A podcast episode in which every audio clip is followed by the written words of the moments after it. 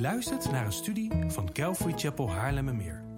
We bidden dat de Heer tot je zal spreken en je zult groeien in jouw persoonlijke relatie met de levende God. Bezoek voor meer informatie onze website calvarychapel.nl. Dat is C-A-L-V-A-R-Y-C-H-A-P-E-L.nl. We gaan vanochtend samen een hele bijzondere studie doen. Elke studie in het woord is bijzonder. Ehm, en dat ligt niet aan het feit dat ik hem geef dat hij bijzonder is, maar dat ligt aan het feit dat we Gods woord gaan bestuderen. En specifiek gaan we niet verder met Route 66, want dat, is, uh, dat kon gewoon echt even niet in mijn uh, afgelopen week. Uh, maar God legde mij direct toen um, Stan mij vroeg of ik wilde voorbereiden, legde hij mij een specifieke psalm op het hart. En een psalm die de meesten van jullie waarschijnlijk wel kennen, sommigen misschien zelfs uit het hoofd. Maar ik weet niet in, hoeverre wij die psalm echt bestudeerd hebben. En het gaat namelijk om psalm 23. De Heere is mijn herder. Het is zo'n ontzettend bekende psalm. En hij wordt voor heel veel gelegenheden gebruikt. Ik hoorde laatst, dat las ik eigenlijk, dat um, ook bij begrafenissen psalm 23 gebruikt werd. Um, is op zich bijzonder omdat het uh, gaat over al de dagen van mijn leven, vers 6. Maar wat wel mooi is, is dat in deze psalm, en dat gaat door tot in de eeuwigheid, de trouw van God te zien is. Dit is een psalm vol hoop, het is een psalm vol liefde en Gods voorziening. En natuurlijk gaat die door tot in de eeuwigheid. Maar we gaan vandaag kijken naar wat die psalm betekent voor ons hier vandaag, anno 2020. En ik denk dat een van de dingen die God wil bereiken met deze psalm, is dat wij zijn hart beter leren kennen. Of misschien dat je zijn hart voor het eerst gaat leren kennen. Want door deze psalm komt heel veel naar voren van wie God is. Een stukje achtergrond over de psalm voordat we hem samen gaan lezen, is dat de psalm geschreven is door David. Psalmen zijn liederen, het zijn gedichten. Um, en David, koning David, is een van de mensen die zo'n stuk uit het woord geschreven heeft. David was zelf een herder, lezen we over in het boek 1 Samuel. Hij was de jongste zoon van heel veel. Um, en doordat hij zelf herder was, had hij een uniek perspectief op deze psalm. Op waar hij het over gaat hebben, op wat hij ons gaat onderwijzen. En sommige mensen zien deze psalm als iets theoretisch of als een gedicht of als iets wat je moet vergeestelijken. Maar dat staat volgens mij heel ver van de werkelijkheid. Want omdat David zelf herder was geweest, wist hij wat deze psalm betekende. Hij wist wat het betekende dat hij deze statements maakte. Hij wist wat het betekende om al deze dingen over God te zeggen, omdat hij zelf doorleefd had wat het betekende om een herder te zijn.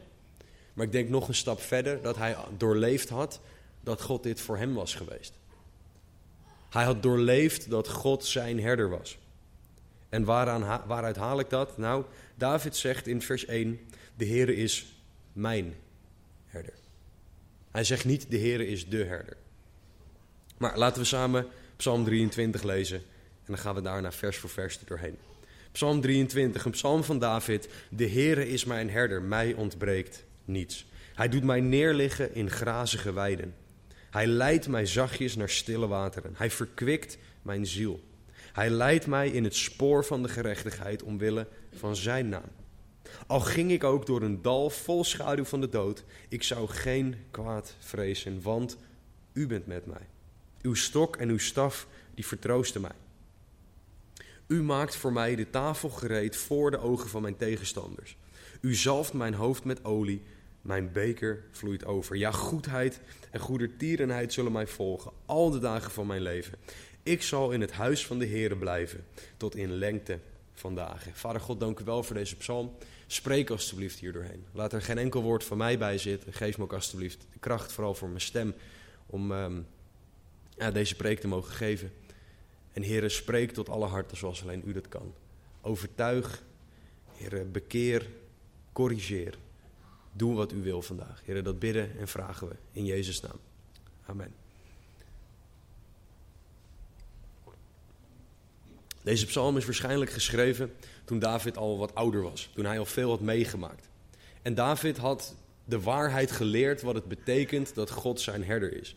Het is een psalm van een ervaringsdeskundige. Het is een psalm van iemand die meegemaakt heeft wat dit betekent.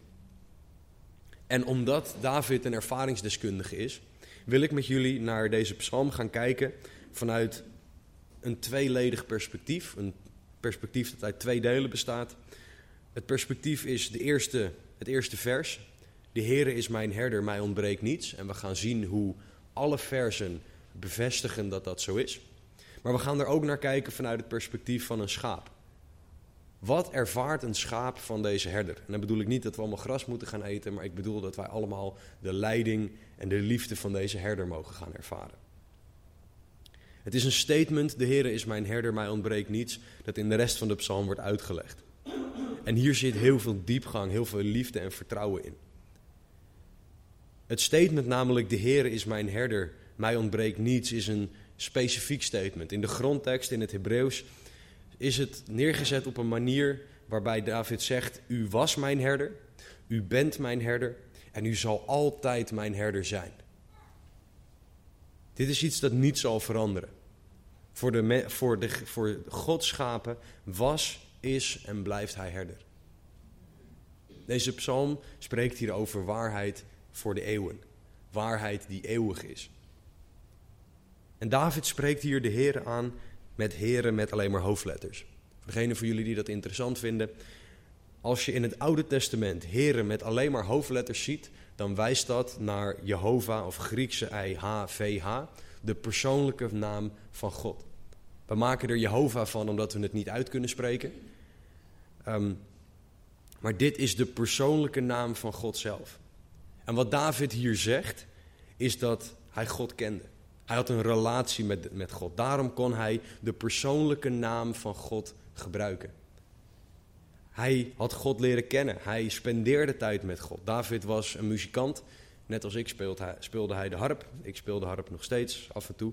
Maar hij, hij, David, daar lezen we over in de psalmen, spendeerde tijd met God. Hij was iemand die tijd doorbracht met God in gebed, in het woord, in aanbidding manieren die wij vandaag de dag nog steeds kunnen gebruiken om tijd met God door te brengen.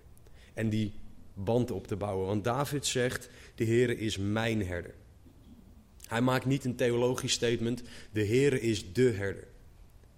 Dat had nog steeds geklopt, had nog steeds niks afgedaan aan de waarheid. Maar het gaat een niveau dieper doordat hij zegt, de Heere is mijn herder. Het wordt hier heel persoonlijk. Het was een persoonlijke en diepe relatie tussen God en David. En door deze relatie kan David zeggen: Mij ontbreekt niets. Door God als herder kon David zien dat hij niks tekort kwam. Want hij wist: deze herder zorgt voor mij. Alles wat ik nodig heb, en dat gaan we in de rest van de psalm zien, zal deze herder in voorzien. Of ik nou weet dat ik het nodig heb, of ik nou vind dat ik het nodig heb. Deze herder gaat voorzien in wat ik nodig heb. De Heere is mijn herder, mij ontbreekt niets. En het idee dat we niks tekort komen, is in de heidendaagse maatschappij heel erg belangrijk. Ik heb zelf één social media, dat uh, vorm, dat is LinkedIn. Voor de rest, ik heb geen Facebook, Instagram, Twitter. Um, ik heb er verder niet heel veel op tegen, maar dit is gewoon een persoonlijke keuze. Maar op Facebook, Instagram, Twitter en al die andere sociale media zie je iedereen's perfecte leven. En zijn er zoveel dingen waarnaar je kan gaan verlangen en het idee hebben dat je iets tekort komt, omdat je dingen ziet. Dat geldt ook gewoon voor het normale internet trouwens en ook voor de tv. Ook daar zie je allerlei perfecte mensen. En dan kan je het idee krijgen dat je iets tekort komt wat zij hebben. Want zij hebben wel en ik heb niet. David, die had geleerd, de Heere is mijn herder, mij ontbreekt niets. Dat is genoeg. God is mijn herder. Wat anderen ook hebben, ik heb God. En dat is voor mij genoeg in elke situatie. En David heeft veel meegemaakt, daar gaan we een aantal voorbeelden van bekijken. Maar in alles kon hij zeggen, de Heere is mijn herder, mij ontbreekt niets. David had geleerd tevreden te zijn en rust te vinden in God. En dat maakte zijn perspectief op alles in het leven anders. Want David heeft hele hoge pieken en hele diepe dalen meegemaakt.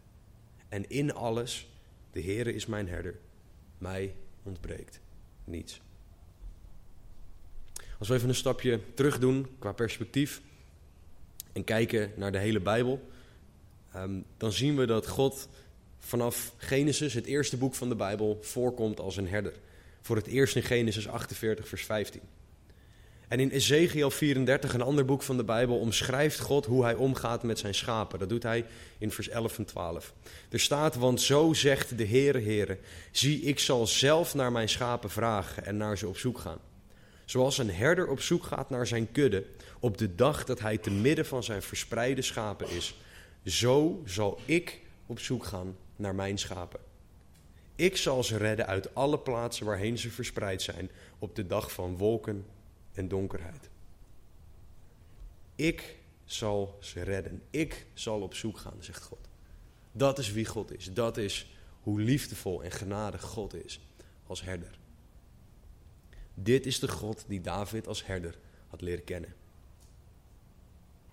Maar als we kijken naar de tijd waarin David dit opschreef, is het heel bijzonder dat God de titel herder gebruikt. Want zoals wel vaker was God hier heel, niet heel cultureel gevoelig mee. Ik zal uitleggen wat dat betekent. Bijbelcommentator Boyce heeft het volgende gezegd. In Israël, net zoals in andere oude samenlevingen, werd het werk van een herder als het laagste van allemaal gezien. Als een familie een herder nodig had, was het altijd de jongste zoon, zoals David, die deze onaangename taak kreeg. Jehovah, onze God, heeft gekozen om onze herder te zijn, zegt David. De grote God van het universum is zo dichtbij gekomen om voor jou en voor mij te zorgen. Dus dit was een baantje dat niemand wilde hebben. Dit gaf je aan het minste lid van het gezin. Daarom ook toen, konings, toen David gezalfd zou worden, was hij niet in huis. Hij was de jongste zoon. Met het minste baantje. Ga maar weg, ga maar voor de schapen zorgen. En toch zegt God dat hij een herder is. Toch zegt God dat hij, zoals een herder voor zijn schapen zorgt, zoals een herder van zijn schapen houdt, zo zorgt God voor zijn schapen en houdt God van zijn schapen. Er zit zoveel intimiteit, zoveel liefde en zoveel geduld in, in het feit dat God onze herder is. God zoekt en redt de schapen die wegrennen. God zorgt voor ze, voedt ze, hij hoedt ze. Hij beschermt zijn schapen en hij zal er altijd voor hen zijn. En dat is God de herder. Dat is de herder die David had leren kennen, waardoor hij kon zeggen: De Heere is mijn herder, mij ontbreekt niets. En dat is de herder die God voor jou wil zijn. Dat is de herder waarvan God wil dat jij hem gaat leren kennen. Zij het voor het eerst, zij het voor de zoveelste keer. Maar dat jij God gaat leren kennen als deze herder. En door deze psalm heen gaan we zien hoe ontzettend goed God is als herder. Laten we kijken naar vers 2 en 3, waarin we gaan zien dat God werkt voor zijn schapen en wat hij allemaal precies doet. Hij doet mij neerliggen in grazige weiden. Hij leidt mij zachtjes naar stille wateren. Hij verkwikt mijn ziel. Hij leidt mij in het spoor van de gerechtigheid omwille van zijn naam. In deze twee versen zien we vier keer het woord hij. En dat wijst allemaal naar de herder. Dus je kan dat veranderen of verplaatsen door mijn herder of de herder.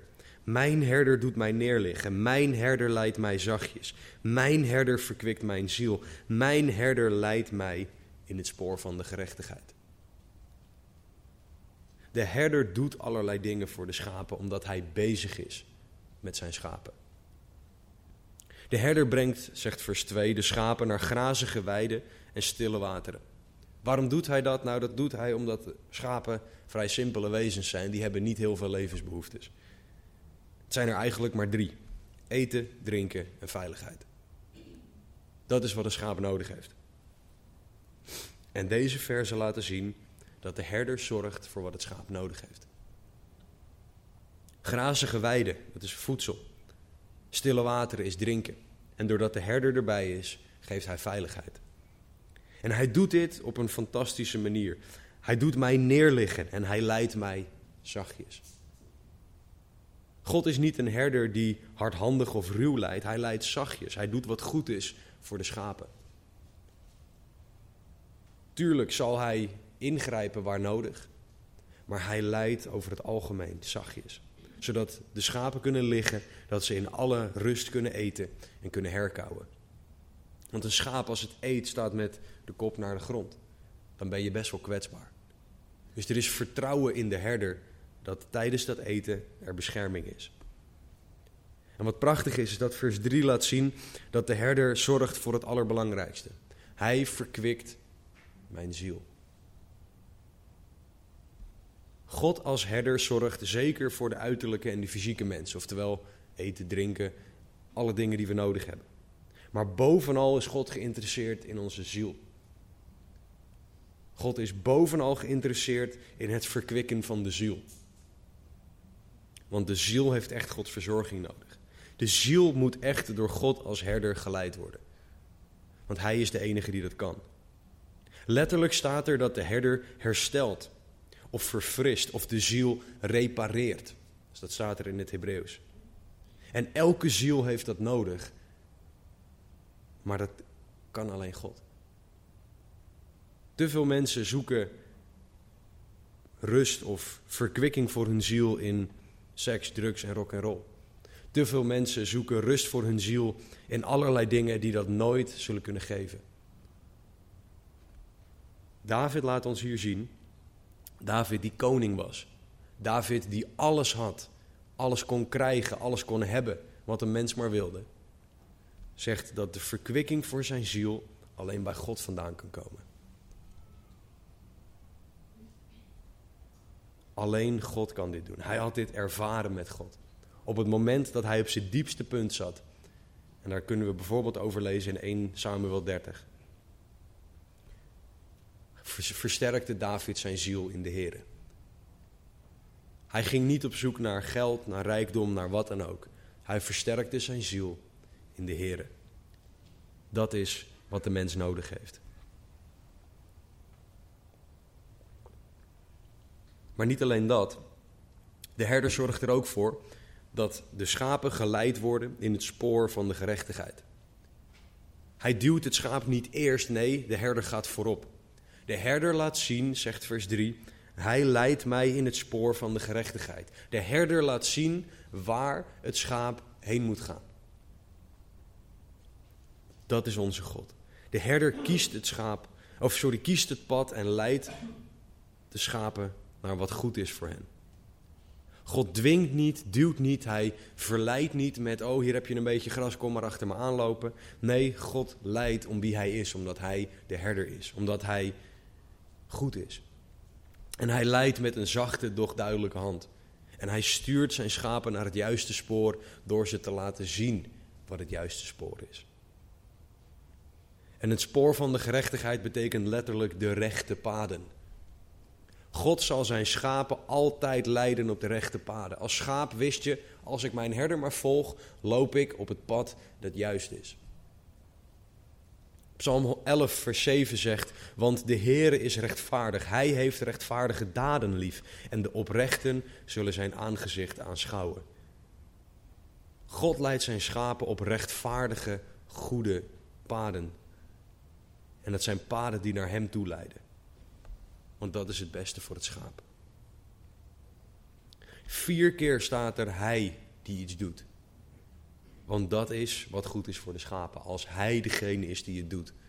Er staat nergens dat God iets verwacht van de schapen, behalve dat ze zijn schapen zijn. De schapen hoeven niet hard te werken. De schapen hoeven niet meer wol te gaan geven. Ze hoeven niet wat dan ook te doen, hun eigen stront op te ruimen. De schapen moeten schapen zijn en door God verzorgd worden, door de herder verzorgd worden. Dat is wat God van zijn schapen verwacht. En dan gaat hij ze brengen naar waar hij ze wil hebben. De herder weet waar grazige weiden zijn, waar stille wateren zijn, wat goed is voor de ziel, wat het goede pad is. Het schaap weet dat niet. Het schaap weet alleen, ik volg mijn herder. Want de Heere is mijn herder, mij ontbreekt niets. De schapen volgen omdat ze de herder vertrouwen. Ze volgen zijn stem, ook als ze niet weten waarheen het gaat. Ook als ze niet begrijpen waar, waar de herder ze heen leidt. En ik weet niet of jullie het weten, maar schapen zijn niet de meest intelligente beesten op de planeet. Dus de schapen zullen vaak niet begrijpen waar de herder ze naartoe leidt. Net zoals dat wij niet altijd begrijpen waar God ons naartoe leidt. Maar we mogen vertrouwen op de Heere is mijn herder, mij ontbreekt niets. In vers 4 laat David zien dat God herder is, ook als de omstandigheden niet zijn grazige weiden en stille wateren. Hij zegt, al zou ik, of al ging ik ook door een dal vol schaduw van de dood, ik zou geen kwaad vrezen, want u bent met mij. Uw stok en uw staf, die vertroosten mij.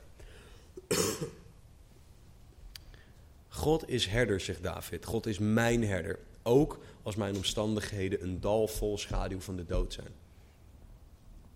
David heeft veel donkere periodes meegemaakt. Wij denken vaak aan koning David als degene die, um, die koning werd. Als degene die Goliath overwon.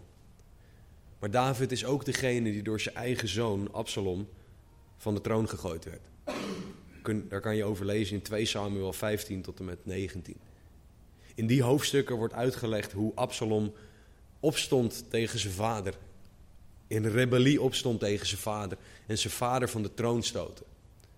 Hoe diep moet het dal geweest zijn als jij als koning door je eigen zoon van de troon gegooid wordt?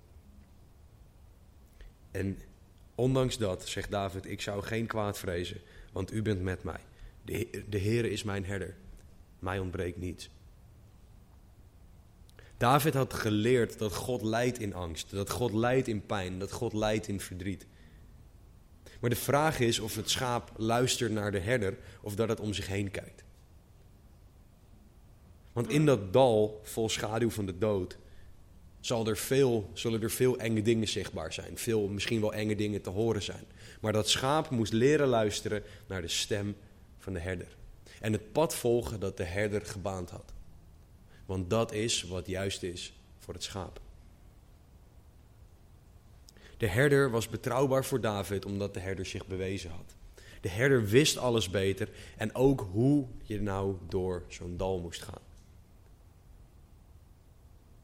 De reden voor David om het kwaad niet te vrezen is de reden die God in de hele Bijbel geeft om niet bang te zijn. U bent met mij. Meer dan 140 keer in het woord zegt God: wees niet bang, vrees niet. En elke keer is de reden daarvoor: U bent met mij. Dat is de enige reden die de mens nodig heeft, die het schaap nodig heeft om niet bang te zijn.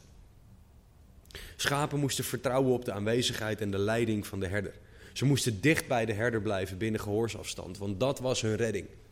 Dat was hun leiding en dat was wat ze zou verzorgen in en door situaties heen. De stem van de herder, de aanwezigheid van de herder. Ik zou geen kwaad vrezen, want u bent met mij. Psalm 27, vers 1 zegt: De Heere is mijn licht en mijn heil. Voor wie zou ik vrezen? De Heere is mijn levenskracht. Voor wie zou ik angst hebben? De Heere is mijn herder, mij ontbreekt niets. Dan kan je ook in en door angst kan je doorzetten. Want de Heere is mijn herder. Hij zal mij geven wat ik nodig heb, ook in dit donkere dal. De herder leidt. En het tweede deel van vers 4 zegt: Uw stok en uw staf die vertroosten mij. In het Nederlands liggen die woorden vrij dicht bij elkaar. In het Hebreeuws zijn het twee verschillende dingen. De herder leidt met zijn stok en zijn staf. En het, de aanwezigheid van deze twee dingen, die stok en die staf, die vertroosten David. Die stok, dat was iets wat gebruikt werd voor leiding, maar ook voor het weghalen van vijanden. Ik, heb een stukje gelezen over schaapsherders die met die stok naar een beer gooien of, naar, of daarmee een slang doden op het moment dat die schapen wilden aanvallen. Die stok was echt van groot belang. Maar die staf, die was, dat is eigenlijk oneerbiedig kan je dat zien als die staf die Sinterklaas altijd heeft. Daar komt hij ook van. Um, doordat, door die, die cirkel die aan de bovenkant zit, kan een herder dat schaap, het zal niet een volledige cirkel zijn zoals bij Sinterklaas, maar een soort haak die je ook hebt bij het zwemmen. Dan kan je een schaap kan je pakken, een soort van vissen, en dan kan je hem terugbrengen. Maar dat kan je op hele liefdevolle manieren kan je dat doen als het schaap wat verder weg is. En wat die, die staf dus doet, de stok is, is veiligheid. De staf is liefde van de herder die het schaap terugbrengt. En die twee dingen, Gods bescherming, Gods leiding, Gods liefde, maar ook correctie voor het schaap waar dat nodig is. Dat is wat David vertroost. God had David geleid. God had David gecorrigeerd. En daarom had David leren vertrouwen op zijn herder. De Heere is mijn herder, mij ontbreekt niets. En dit is ook wat David doorgeeft aan zijn zoon Salomo. In Spreuken 3, vers 11 en 12 is de wijsheid die David aan zijn zoon meegegeven heeft. Mijn zoon verwerp de vermaning van de Heere niet en heb geen afkeer van zijn bestraffing. Want de Heere straft wie hij lief heeft, zoals een vader doet met de zoon die hij goedgezind is. Dat geldt ook voor dochters trouwens.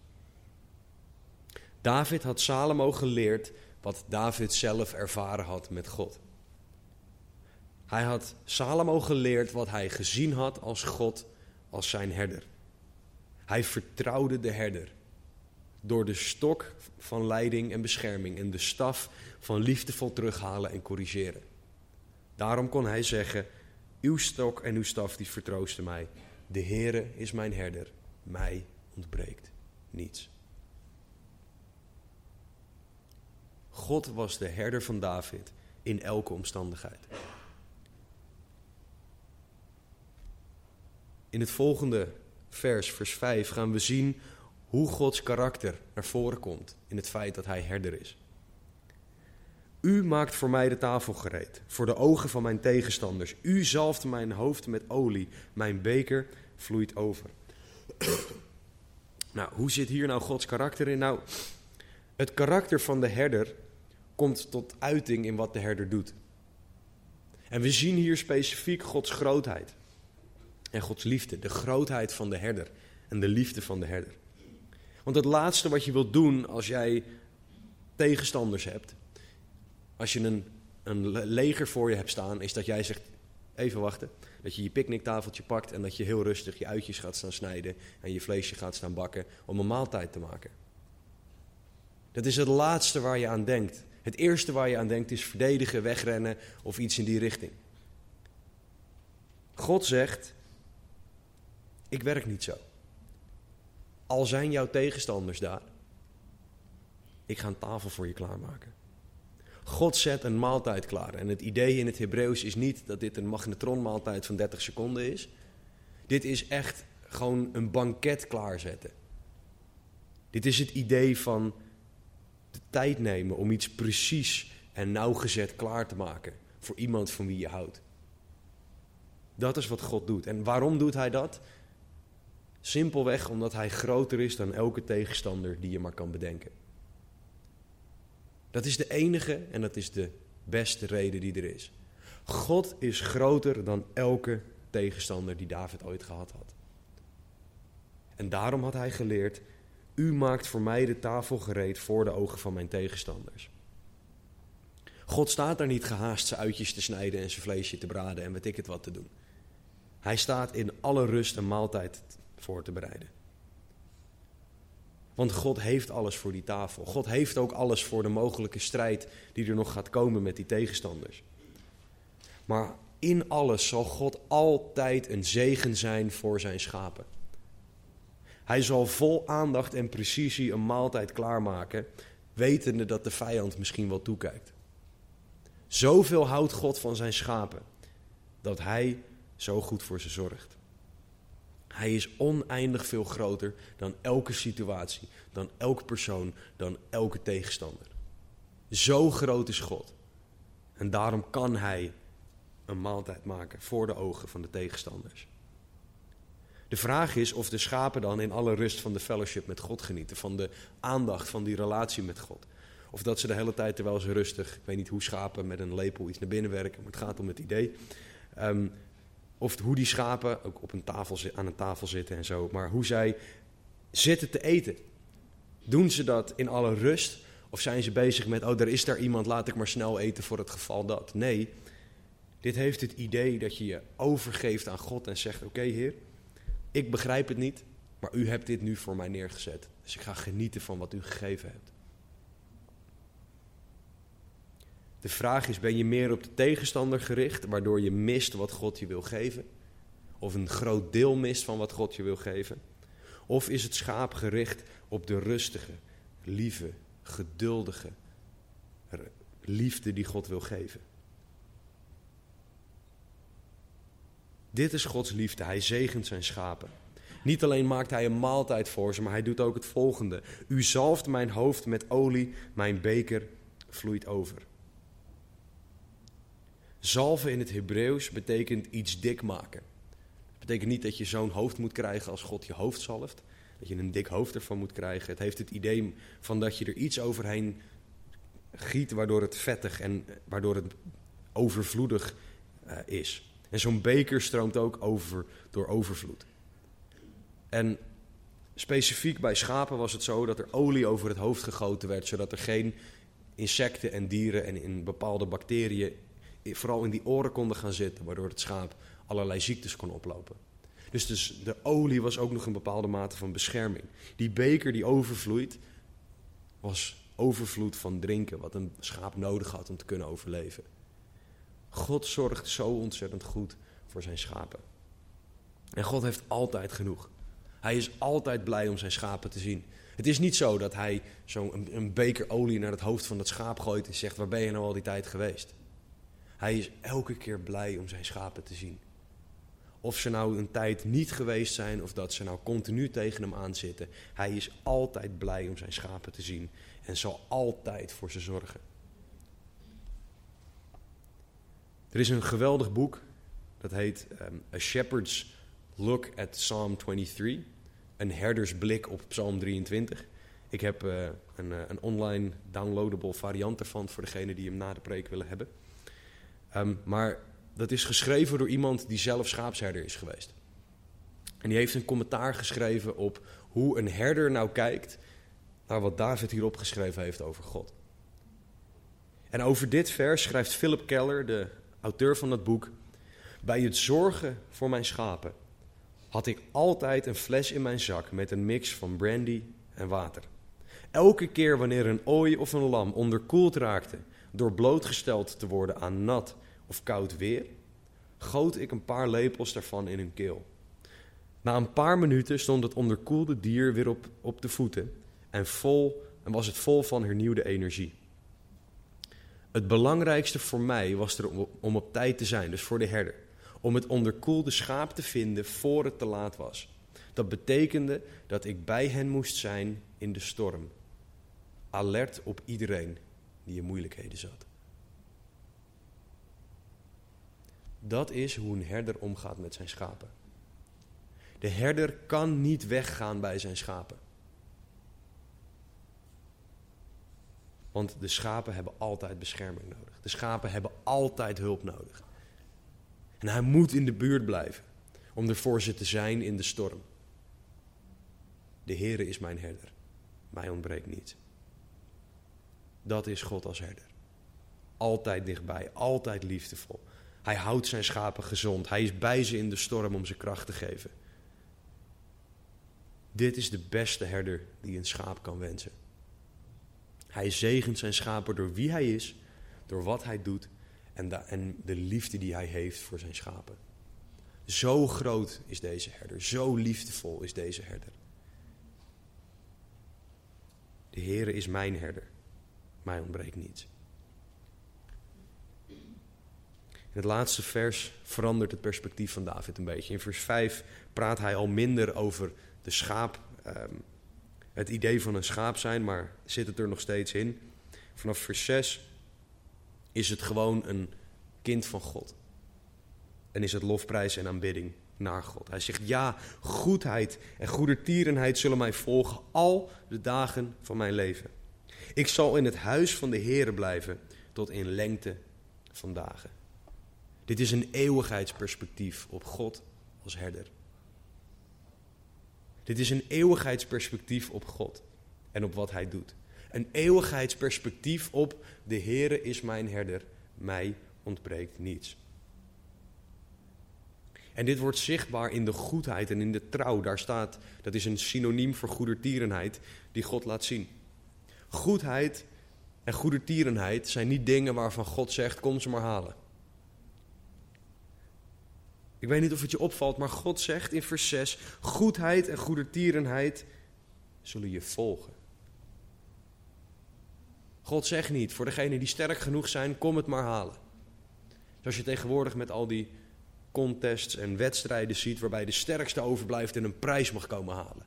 Nee, God zegt, mijn goedheid, die achtervolgt jou.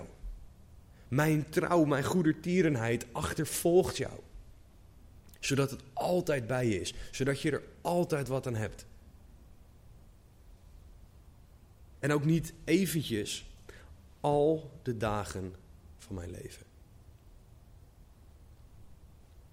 God zegt hiermee dat hij achter zijn schapen aangaat om ze te zegenen.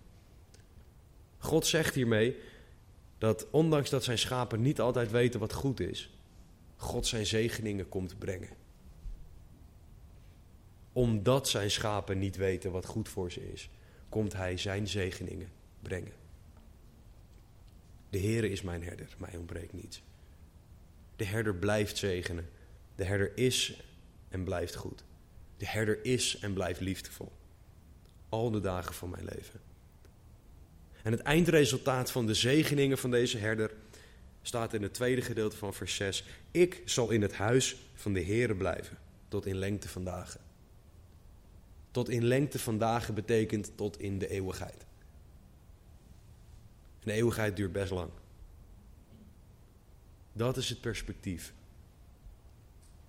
Dat is wat Gods schapen nodig hebben. Een eeuwigheidsperspectief. Een eeuwigheidsperspectief van bij God zijn. Want de vraag is wat jouw perspectief is. Is dat een eeuwigheid bij God of een eeuwigheid gescheiden van God? Gods schapen, zegt God hier, zullen in het huis van de Heer blijven tot in lengte van dagen. David krijgt Gods blik op mensen. David krijgt Gods blik op de situatie. En dat komt door zijn ervaring, zijn tijd en vooral zijn relatie met God. We hebben Psalm 23 bekeken vanuit het perspectief van het schaap. Maar de belangrijke vraag is dan, wie zijn Gods schapen? Dat is de allerbelangrijkste vraag om vanochtend te stellen. In Johannes 10, vers 11 wordt Jezus de goede herder genoemd. Wat nog een referentie is aan het feit dat Jezus God is. Als je Johannes 10 en Psalm 23 naast elkaar legt. Jezus is de herder waar David, zonder dat hij het wist, over schrijft. Of over schreef. En Jezus zegt in Johannes 10, vers 9: Ik ben de deur. Als iemand door mij naar binnen gaat, zal hij behouden worden. En hij zal ingaan en uitgaan en weide vinden. In vers 14 en 15 van hetzelfde hoofdstuk zegt God: zegt Jezus, ik ben de goede herder en ik ken de mijnen en word door de mijnen gekend. Zoals de Vader mij kent en ik de Vader ken en ik geef mijn leven voor de schapen. Wat Jezus hier zegt is, wie, in hem kent, uh, wie hem kent sorry, en wie in hem gelooft, dat zijn mijn schapen. Jezus heeft zijn leven gegeven voor zijn schapen, zodat ze vergeving van zonde kunnen ontvangen. Dat is wat de herder doet voor zijn schapen. Jezus zegt tegelijkertijd dat er één weg is naar zijn schaap zijn. Hij zegt, ik ben de deur. Bij mij thuis vind ik het altijd fijn als mensen door de voordeur naar binnen komen. Niet dat ze een ruit inslaan en dan naar binnen komen, want dat is zo onpraktisch. Ehm, de deur is de weg om naar binnen te gaan. En dat is wat Jezus hier ook zegt. Ik ben de deur. Ik ben de manier waarop het goed is om naar binnen te gaan. De enige manier waarop het goed is om naar binnen te gaan. En dan heeft hij het over een eeuwigheid met God. Dan heeft hij het over een schaap van God worden. Eén weg naar het schaap van Jezus zijn en dat is Jezus. En hoe zit dat nou? Ieder mens heeft een zondeprobleem. Jij, ik, iedereen. Ieder mens doet dingen die niet perfect zijn. En dat is wat de Bijbel zonde noemt. Ieder mens doet dingen waarvan God zegt dat hoort niet. Dat is wat de Bijbel zonde noemt. En de Bijbel geeft aan in de Romeinenbrief dat er één consequentie van de zonde is. En dat is de dood. Specifiek de dood waardoor je gescheiden wordt van God voor eeuwig. Maar God zegt niet, dit is de situatie, succes ermee. God stuurde zijn zoon Jezus Christus, de goede herder, om zijn schapen te redden. Om mensen de mogelijkheid te geven om zijn schaap te worden. Jezus is gekomen om de consequentie van jou en van mijn zonde te dragen. Om te sterven aan een kruis, om op te staan uit de dood, om jou en mijn zonde te dragen. Zodat je eeuwig leven kan hebben, zodat je zijn schaap kan zijn. En ieder die dit aanneemt, die Jezus gelooft, die gelooft dat Jezus dit voor jou gedaan heeft, die kan een schaap van Jezus worden. Ieder die zijn schaap wordt, kan deze psalm op zichzelf toepassen. De Heere is mijn herder, mij ontbreekt niets.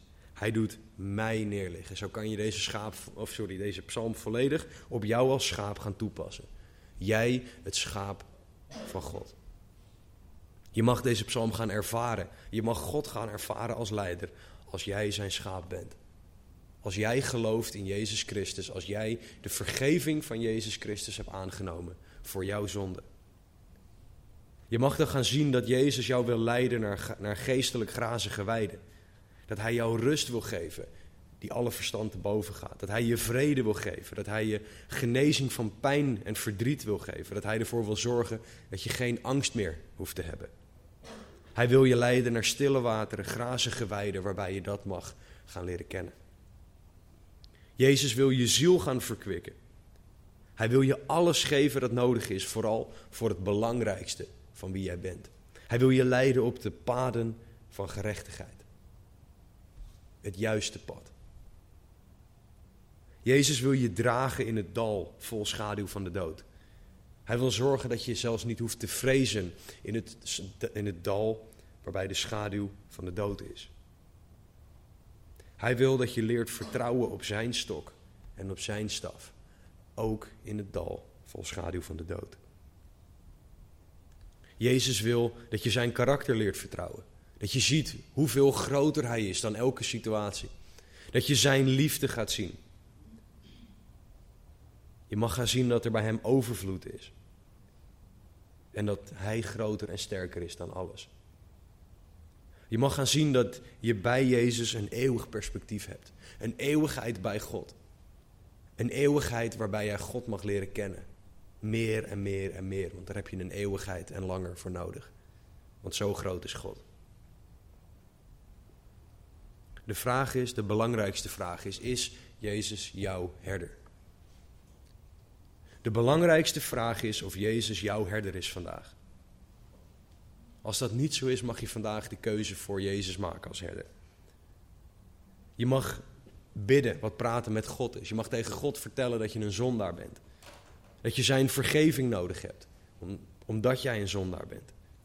En je mag geloven dat Jezus voor jouw zonde gestorven en opgestaan is. En dan vanaf dat moment dat jij dat beleidt, zal Jezus jouw herder zijn. En mag je leren kennen en ervaren wat deze psalm betekent. Is Jezus al jouw herder? Prijs de Heer. De vraag is of jij naar hem luistert, zoals David ons hier laat zien. De vraag is of jij hem al kent, zoals David God hier neerzet als zijn herder. Je mag van alle zegeningen genieten van God als herder. Je mag hem zo leren kennen elke dag weer. Je mag hem meer en meer gaan ervaren. Ervaren wat het betekent dat Jezus de goede herder is. En misschien ben je weggelopen. Misschien ben je een tijdje weggelopen bij de herder en had je zoiets van zoek het maar uit. Maar ik denk dat jij diep van binnen wel weet dat er niemand beter is dan deze herder. Ga terug naar deze herder, zodat ook jij weer kan zeggen: De Heere is mijn herder, mij ontbreekt niets. Laten we bidden. Vader God, dank u wel. Dank u wel dat u onze herder bent. Heer Jezus, dank u wel dat u ons de mogelijkheid biedt om uw schaap te zijn.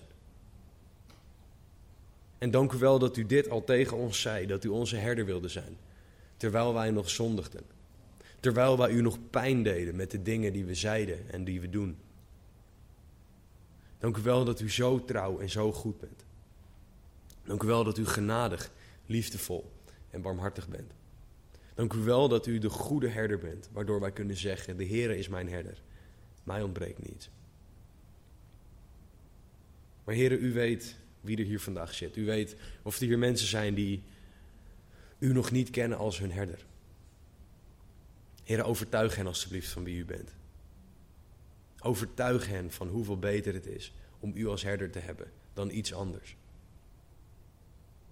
Heer, want als u niet onze herder bent, dan is iets of iemand anders onze herder. En niets en niemand is zo goed als u. Heer, het is mijn gebed dat u iedereen laat zien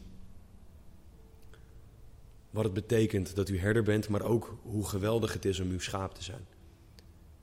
Heer, u weet, u kent de staat van elk hart, Heer. U weet waar iedereen doorheen gaat. U weet wat voor week, maand, jaar iedereen achter de rug heeft, Heer. En u weet hoe hard iedereen u nodig heeft. Heer, laat iedereen op dit moment zien dat u hun herder wil zijn.